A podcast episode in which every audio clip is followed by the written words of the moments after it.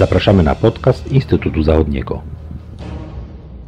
Dzień dobry Państwu. Witamy w kolejnej edycji podcastów Instytutu Zachodniego. Tematem dzisiejszego spotkania będzie najnowsza książka wydana w Instytucie Zachodnim pod tytułem Skrajna prawica we współczesnych Niemczech ujęcie ideologiczne. E, ja nazywam się Krzysztof Malinowski i będę miał przyjemność poprowadzić rozmowę z panią dr Agatą Kałabunowską, autorką wspomnianej książki. Na początek bardzo bym prosił o y, przedstawienie krótko y, swoich inspiracji naukowych. Mm, co skłoniło Panią do podjęcia takiego y, ważkiego tematu i też jak Pani określiła główny problem badawczy swojej pracy? Bardzo proszę. Dzień dobry. Dziękuję e, za to pytanie. Myślę, że, że tutaj przez długi czas poszukiwałam w zasadzie odpowiedniej e, niszy badawczej, e, która teraz wydaje się już całkiem mocno zagospodarowana.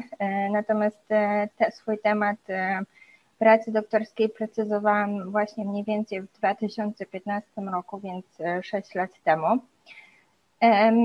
I w tym czasie też e, mieszkałam w Niemczech, gdzie mogłam obserwować wyraźne zaostrzenie dyskursu e, politycznego, głównie właśnie wokół problemu migracyjnego, który stał się e, ostatecznie tłem tego badania. Był to czas dosyć takich licznych wtedy protestów Pegidy i rośnięcia w siłę alternatywy dla Niemiec. No i o tych wszystkich wydarzeniach i formacjach mówiono bardzo różnie. E, w mediach w ogóle dosyć tak swobodnie nazywano te, te stosowne mm, ruchy czy też tendencje, a z kolei w nauce też e, nie tyle, że niezbyt precyzyjnie, co różnie w zależności od przyjętego ujęcia badawczego. E, także zdarzało mi się spotkać e, te same organizacje w jednej publikacji pod e, szyldem ekstremistisch albo rechtsextremistisch, czyli prawicowo-ekstremistyczny, albo też rechtspopulistisch, albo w ogóle nazywane po prostu jako ugrupowanie narodowo-konserwatywne. No i wiadomo też, że w tle cały czas y, działały też te uznawane za jeszcze bardziej skrajne mm, ugrupowania nazistowskie czy też e, neonazistowskie. Mm, no i szukałam jakiegoś sensu w tej terminologii. Mm, nie pomagała tutaj za bardzo polska literatura przedmiotu, która po pierwsze trochę bardziej skupia się na na, na polskich e, ruchach e, radykalnych, zwłaszcza narodowcach, a w odniesieniu do mm, niemieckiego ekstremizmu jest w ogóle bardzo skromna. Mm, ja tylko mm, wspomnę, że taką najbardziej kompleksową, wcześniejszą pracą z tego tematu e, była publikacja Wojciecha Krzyżaniaka z 1986 roku, później pojawiło się jeszcze kilka opracowań, ale one mm, nigdy nie dosięgały czasowo do tego czasu właśnie kryzysu migracyjnego, czy też powstania najnowszych ruchów, więc tu też e, istniała taka potrzeba no, przede wszystkim aktualizacji mm, tych, tych publikacji. E, z kolei anglojęzyczna literatura przedmiotu jeszcze bardziej mm, komplikuje ten obraz, ponieważ dodaje jeszcze swoje terminy własne, mm, na przykład far right, czy extreme right, czy populist extreme right, które mm, częściowo pokrywają się tylko z tym, e, co, jak się stosuje te terminy w Niemczech. E, w Niemczech z kolei dominuje takie bardzo administracyjno-prawne podejście do tego tematu. E, no i podsumowując e, ten, ten cały okres takich, takich poszukiwań, no stwierdziłam, że, że same te problemy definicyjne w zasadzie mogłyby się już stać przedmiotem badania. I przede wszystkim próba naświetlenia tego niemieckiego rozumienia ekstremizmu prawicowego. No i tak też się stało, bo mm, pierwsza połowa tej książki jest próbą systematyzacji badań mm, nad ekstremizmem prawicowym e, w ogóle, a w Niemczech, w Niemczech w szczególności. No i przede wszystkim jest też próbą naświetlenia tego niemieckiego podejścia polskim czytelnikom. Druga część e, publikacji to z kolei analiza pięciu wybranych ugrupowań, które w, w obliczu tych sporów terminologicznych e, niełatwo było wybrać. Mm, pozwoliłam e, sobie jednak tutaj na, na wybranie takiej próby badawczej, którą następnie analizowałam przy pomocy właśnie mm, ideologicznego ujęcia do badań nad programami. E, skorzystałam tutaj z koncepcji e, Michaela Friedena, mm, także tak bym podsumowała te poszukiwania mojej niszy badawczej. Problemem głównym, myślę, było to specyficzne dla Niemiec rozumienie tego pojęcia. Mhm. Już zwróciła Pani uwagę na pewne komplikacje, które wynikają z tych rozbieżności terminologicznych a szczególnie właśnie y, rozbieżności, które wydaje mi się y, mają dosyć istotne dla tej dyskusji, znaczenie dla tej dyskusji w Niemczech i mm, mają także pewne właśnie konsekwencje dla praktyki politycznej. E, czy mogłaby Pani tutaj bliżej może naświetlić e, e, ten wątek? Mhm. To jest, wydaje mi się, właśnie kluczowa sprawa, jaką podnoszę w tej publikacji, mało, myślę, znana w Polsce. Przede wszystkim takie, taki trochę dualizm, jeśli chodzi o ujmowanie ekstremizmu prawicowego przez instytucje państwa i przez reszty społeczeństwa, zwłaszcza taką społeczność naukową, przede wszystkim mam tutaj na myśli politologów. E, bo wiemy, że w Niemczech funkcjonuje mm, system ochrony konstytucji z Verfassungsschutz jako taką główną instytucją. E, I zadaniem tego systemu jest ochrona wolnościowego, demokratycznego porządku ustrojowego i takie zadanie mm, wynika właśnie dla tego organu z przepisów e, prawa. Mm, I to pociąga za sobą różne, mm, różne dodatkowe kompetencje i konsekwencje. Przede wszystkim istnieje, to akurat istnieje w, w, kilku krajach, e, także tutaj nie jest e, to nic zaskakującego, czyli możliwość delegalizowania ugrupowań, które zostają uznane za mm, właśnie sprzeczne z tym porządkiem demokratycznym. Mm, no ale też jeszcze dodatkowe przepisy z tego, z tego wynikają każdym razie za sprzeczne z konstytucją uznaje się wszelkie dążenia, które zagrażają temu porządkowi lub w ogóle go podają tylko w wątpliwość, czyli tak jakby nawet nie, nie można by było zwątpić w ten system, w ten porządek ustrojowy. Mm, I tutaj dochodzi jeszcze do tego konieczność Mm, e, takiego wykazywania aktywnie bojowego nastawienia e, w stosunku do, e, do tego systemu demokratycznego. On jest tak dosyć szeroko rozumiany mm, jako zawiera w sobie przede wszystkim szacunek do, do praw człowieka, suwerenność narodu, podział władzy, pluralizm partii, czyli tak jakby wiemy, czym jest ten porządek demokratyczny i mm, zadaniem Fairfaxu jest monitorowanie, czy e, osoby mm, bądź grupy w jakiś sposób nie, nie zagrażają temu porządkowi.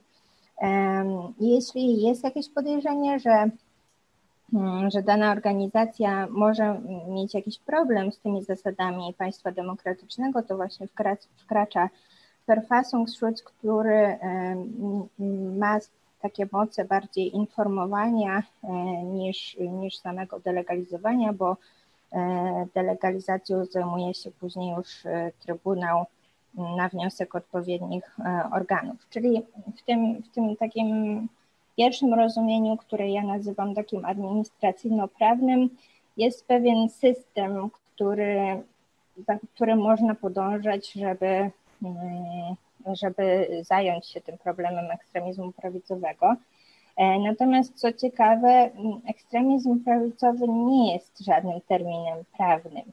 Jeśli Verfassungsschutz lub inne organy stwierdzają jakąś radykalność danej organizacji, to, to nie nazywają tego w jakiś sposób. Nie mówią, że to jest powiedzmy ekstremizm prawicowy, to jest fundamentalizm islamski, to jest tak jakby drugorzędna sprawa.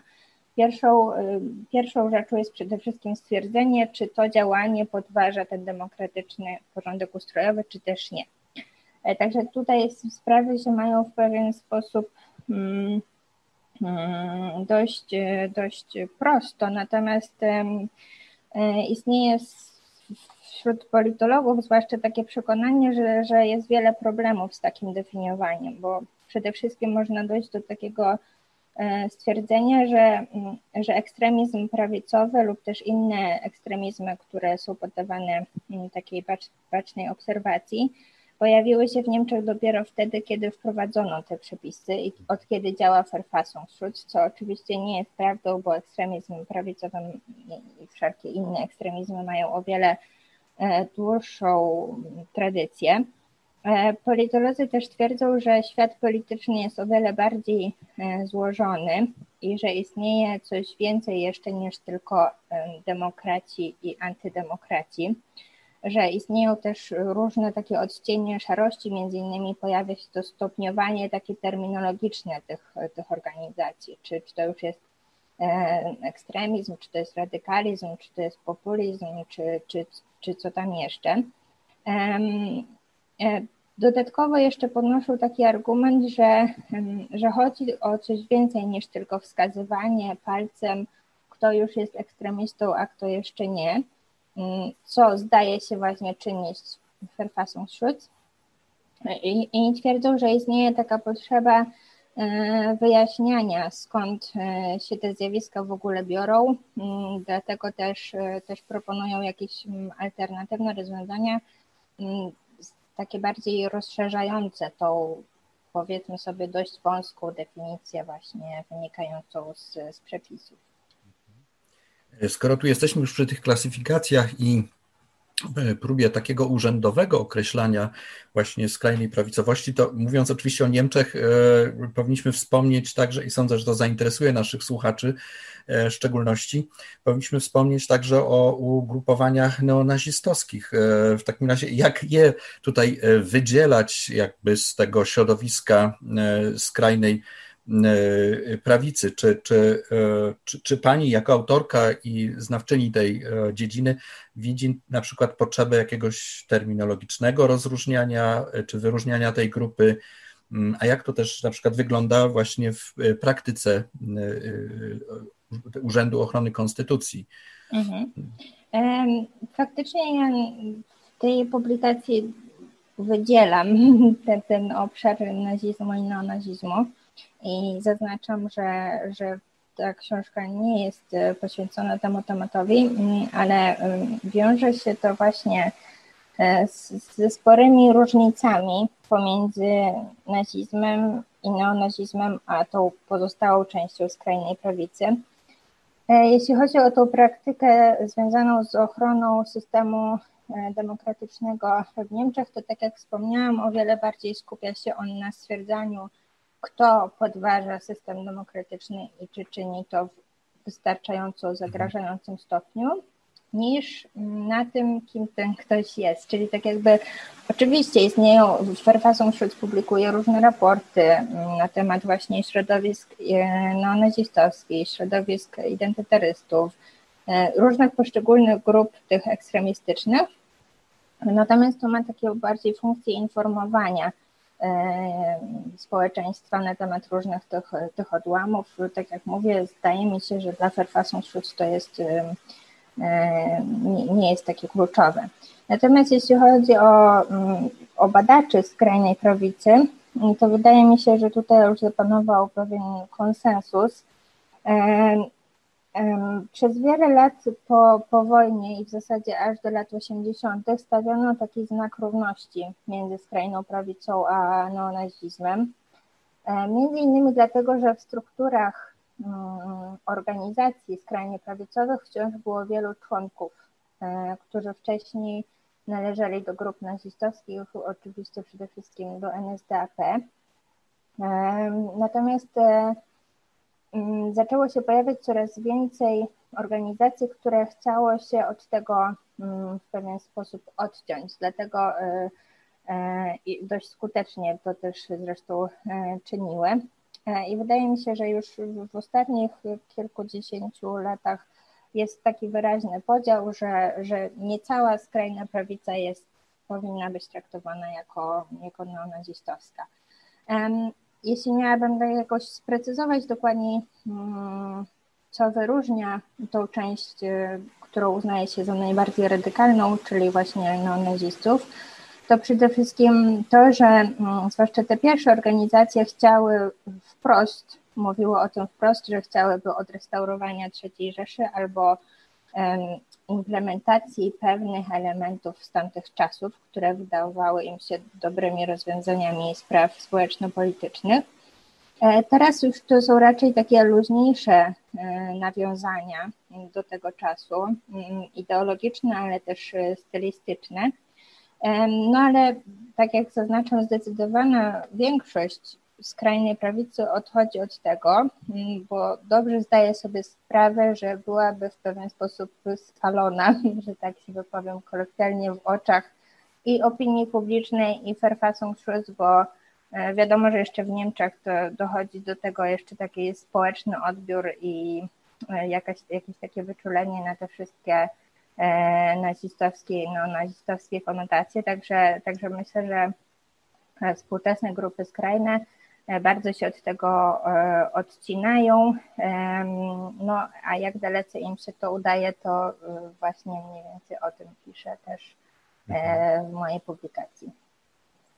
Mm, jeżeli mógłbym zauważyć, to wydaje mi się, że część z tych grup, które właśnie prezentują taki utopijny program, jakby przywrócenia tych pewnych zasad, wartości, stylistyki programu, E, z okresu nazizmu, w jakimś sensie także kamufluje swoją, mm, swoją tożsamość taką ideologiczną, jakby nie, nie lansując wprost tego programu, tylko raczej mm, używając pewnej e, właśnie takiej zawoalowanej symboliki, która mhm. wprost nie może się odnosić do III Rzeszy, ponieważ jest zakazana i jest penalizowana, natomiast e, buduje cały, całą masę różnych skojarzeń, właśnie stylistycznych, e, nawiązujących do siły, do tradycji militarystycznych e, z okresu III Rzeszy i, i tak dalej. I tutaj wydaje mi się, że to jest taka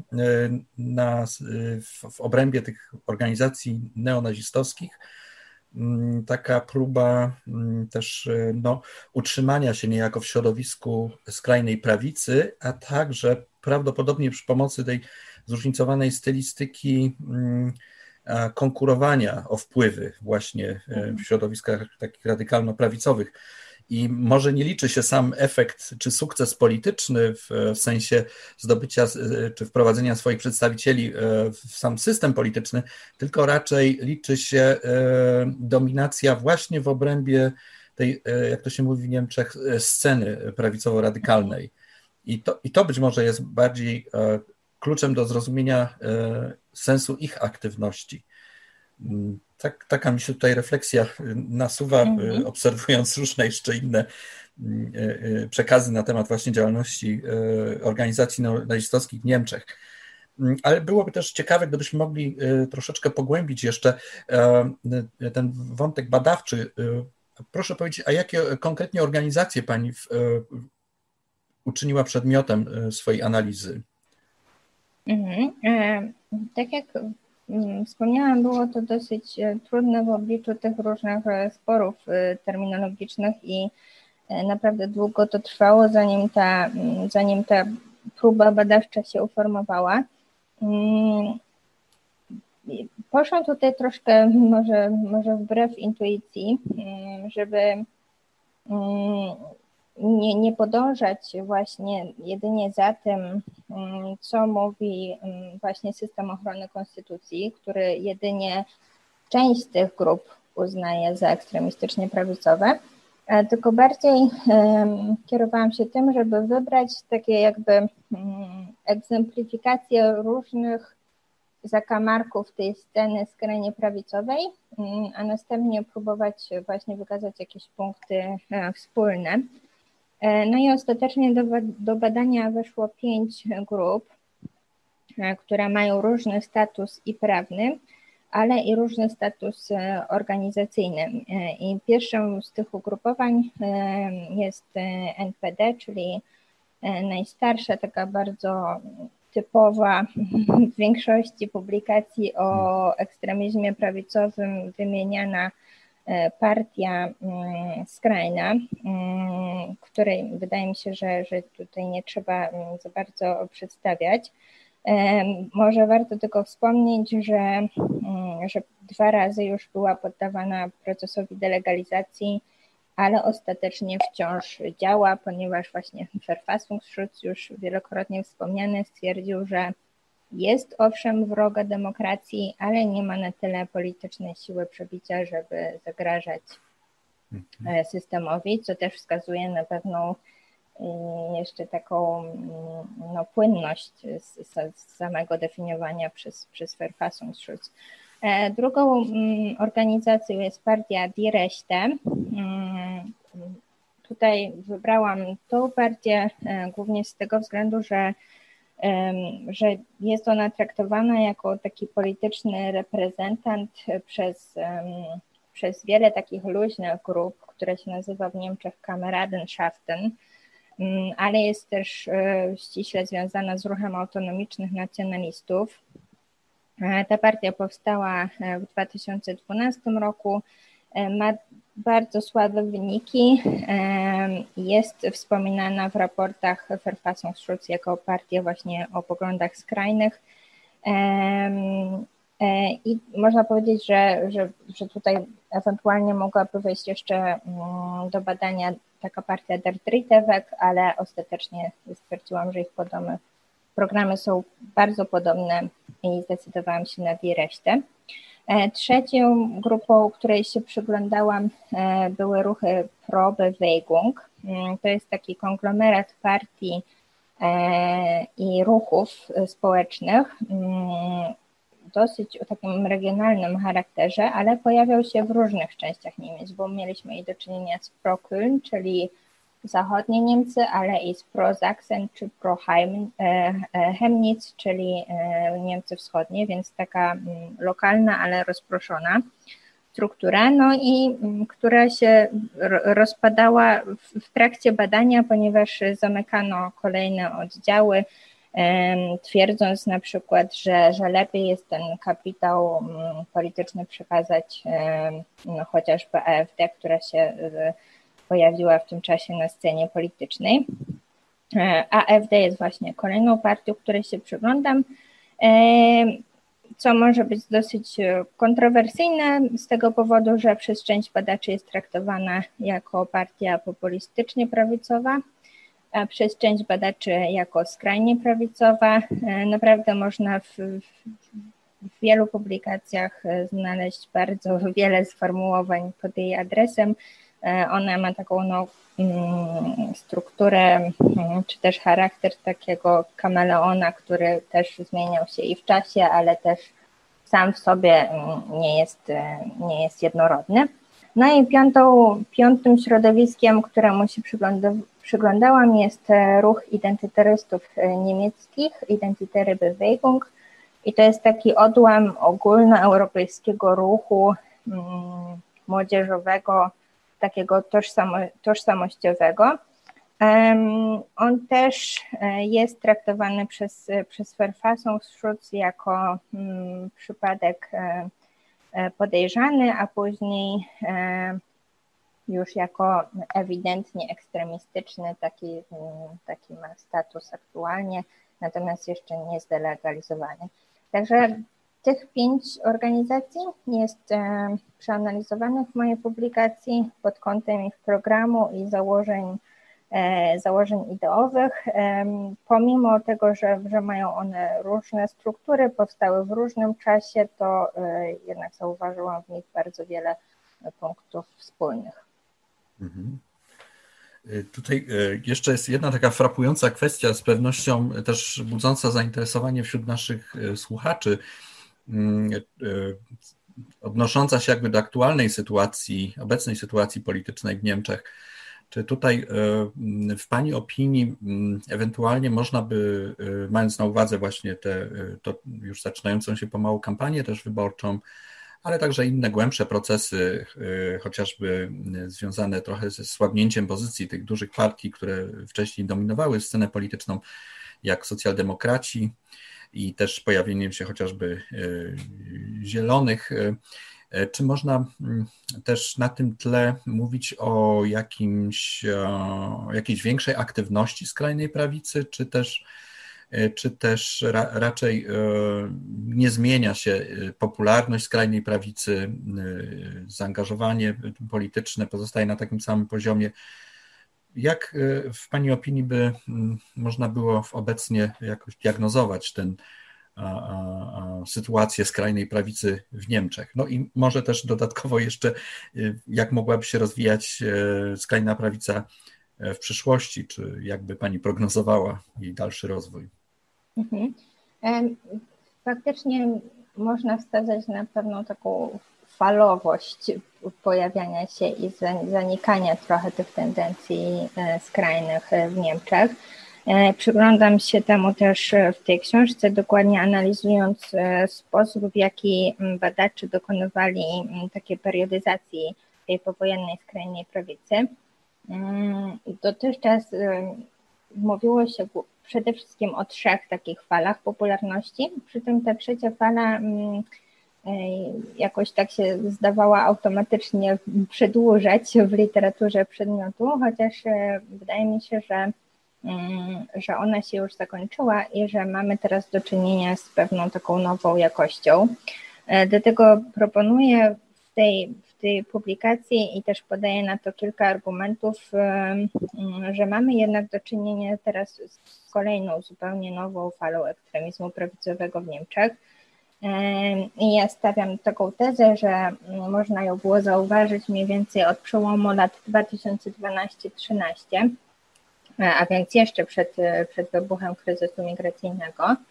E, I miało to związek przede wszystkim z tym, że mm, wykryto jednostkę terrorystyczną e, NSU e, pod koniec 2011 roku i scena skrajnie prawicowa musiała się pewien sposób przeorientować po tym wydarzeniu, no i też w związku z tym, że nagle została bacznie obserwowana po tym mhm E, w związku z procesem w sprawie NSU. Doszło też do nowego procesu w sprawie delegalizacji NPD. No i partia skrajna prawica musiała szukać jakichś nowych form organizacyjnych, a jednocześnie jakoś łagodzić swój wizerunek, żeby móc działać. E, no i w tym czasie pojawiły się już wspomniane Die Der Streete Weg. E, w bardzo podobnym czasie pojawił się ruch identitarystów i AfD. No i też pojawiały się lub też intensyfikowały swoją działalność ruchy e, związane z Probewegung. W tle oczywiście cały czas działo się kryzys migracyjny. E, ja tutaj może podkreślę, że w tej publikacji e, nie stawiam tezy, że on miał bezpośredni wpływ na rozwój tych środowisk skrajnych. Nie było celem tej książki pokazywanie, w jaki sposób kryzys migracyjny się przyczynił do tego, mm, do te, powstania nowej fali ekstremizmu prawicowego. Bardziej go traktuję jako takie tło mm, społeczno-polityczne, natomiast miał on o tyle wpływ na skrajną prawicę w Niemczech, że zaczęła ona poruszać nowe wątki, przede wszystkim wątki antyislamskie, E, i antyimigracyjne, co też wpływa na pewną taką nową jakość w tej e, retoryce. E, do tego też mm, dochodzi to, że z licznymi problemami borykają się tak zwane Volksparteien, czyli te tradycyjne duże partie niemieckie. Bardzo spadł w tym badanym okresie, mm, spadła popularność tych, tych ugrupowań SPD mm, osiągnęła mm, najniższe wyniki w ogóle w historii swojej działalności, no a z kolei Hadecja miała bardzo duże problemy z zawiązaniem chociażby koalicji rządowej, po wyborach w 2017 roku. Wszystko to oczywiście miało też wpływ na dyskurs publiczny w ogóle w Niemczech, który też zaczął w takie, takie nowe tony uderzać, bardziej powiedziałabym tożsamościowe, co jest też na rękę ruchom mhm. skrajnie prawicowym. I wydaje mi się, że to wszystko uprawnia nas do stwierdzenia, że mamy faktycznie do czynienia z nowym zjawiskiem. Natomiast te poprzednie fale, fakt, że w ogóle istniały, może sugerować, że, że, że to jest w ogóle taka tendencja do nasilania się i do zanikania, więc jeśli chodzi o prognozy na przyszłość, to można wysnuć przypuszczenie, że, że, że to będzie w ten sposób kontynuowane, że, że wystąpi jakaś taka falowość, zwłaszcza, że, że ten potencjał skrajnie prawicowy nigdy nie w Niemczech do zera, nawet pomiędzy falami, kiedy wydawało się, że sytuacja się uspokaja. E, wskazuje na to wiele badań mm, społecznych, mm, e, które mm, może przytoczę tylko dwa E, wskazują, że, że około 4% e, niemieckiego społeczeństwa wykazuje takie no, ekstremistyczne nastawienie. Tak wynika mm, z badania Leipziger Autoritarismus Studie z ubiegłego roku. Też jest spora część społeczeństwa, która ma takie przekonania ksenofobiczne, które z kolei jest bardzo łatwo później przekuć w już typowo ekstremistyczne e, i szacuje się, że, mm, że, takie, że taka, taki potencjał mm, ksenofobiczny e, w Niemczech wynosi około 16%. Oczywiście jest różny w zależności od e, tego, czy mówimy o zachodzie czy, czy wschodzie Niemiec. E, z kolei badanie mm, Friedrich Ebert Stiftung, tak zwane MITE studie z 2019 roku wykazuje, że, że jest około 2-3% mm, w niemieckim społeczeństwie osób o no, takich wprost mm, skrajnie prawicowych przekonaniach. Natomiast o przekonaniach takich troszkę powiedziałabym łagodniejszych, czyli prawicowo-populistycznych jest już odpowiednio więcej, około 21%. E, Fundacja Bartelsmana z kolei w badaniu z 2018 roku stwierdziła, że populistycznie nastawione jest około 30% niemieckiego społeczeństwa. Także jest taka pewna gradacja tego, jak bardzo skrajne te przekonania są, natomiast no, należałoby stwierdzić, że one są i mm, ten potencjał mm, istnieje, w związku z czym ma on w odpowiednich, przy odpowiednim układzie innych elementów e, możliwość, żeby ponownie zaistnieć e, i się wzmocnić. No i właśnie, tak jak już wspomniałam, wydaje mi się, że, że kilka poprzednich lat to był właśnie czas, kiedy do tego doszło. Dziękuję bardzo za e, tak obszerny komentarz. E, pozostaje nam e, zachęcić naszych słuchaczy do lektury książki. Zapraszamy do księgarni internetowej Instytutu i polecamy, życzymy miłej lektury w takim razie wszystkim zainteresowanym. Bardzo dziękuję Pani za rozmowę, słuchaczom dziękuję. za uwagę. Do widzenia. Do widzenia, do usłyszenia.